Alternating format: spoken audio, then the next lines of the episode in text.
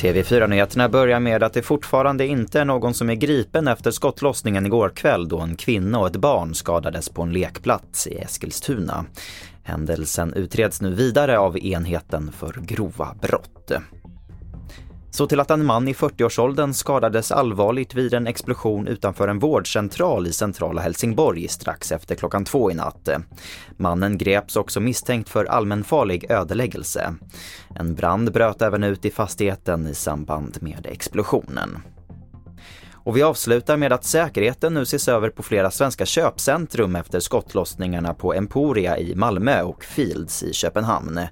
Säkerhetsrutinerna omfattar PGD, pågående dödligt våld, men enligt säkerhetsexperten Erik Engstrand måste mer göras.